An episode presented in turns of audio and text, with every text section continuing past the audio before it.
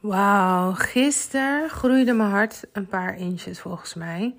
Toen uh, Trey um, me zei van... Hey mama, um, ik zag dat jij uh, weer een nieuwe podcastaflevering had, uh, had opgenomen. Ik zeg, oh ja jongen.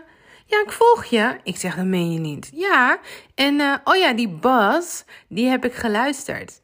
Ja, was echt goed. Echt goed gedaan. En toen dacht ik... Oh, this is so cute. Ik zei ook, Trey, really? Oh, dit is echt zo nice om te weten. En toen dacht ik, omdat die bas is dan twee minuten. En dan denkt hij van, oh ja, die kan ik wel even luisteren. Klets mama niet zo lang, weet je wel. En dan begrijp ik misschien ook wel wat ze zegt.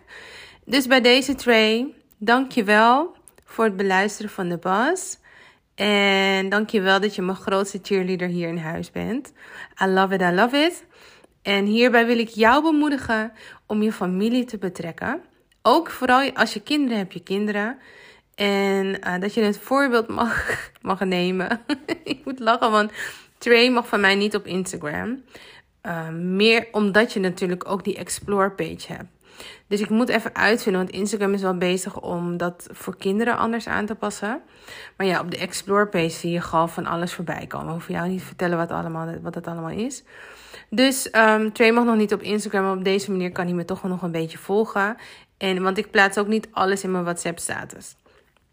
Dus uh, ja, betrek je, betrek je familie. They would love to know. Uh, er zijn echt een paar mensen die gewoon really supportive zijn. En je volgen.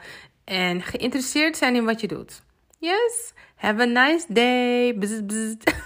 Dit is echt corny.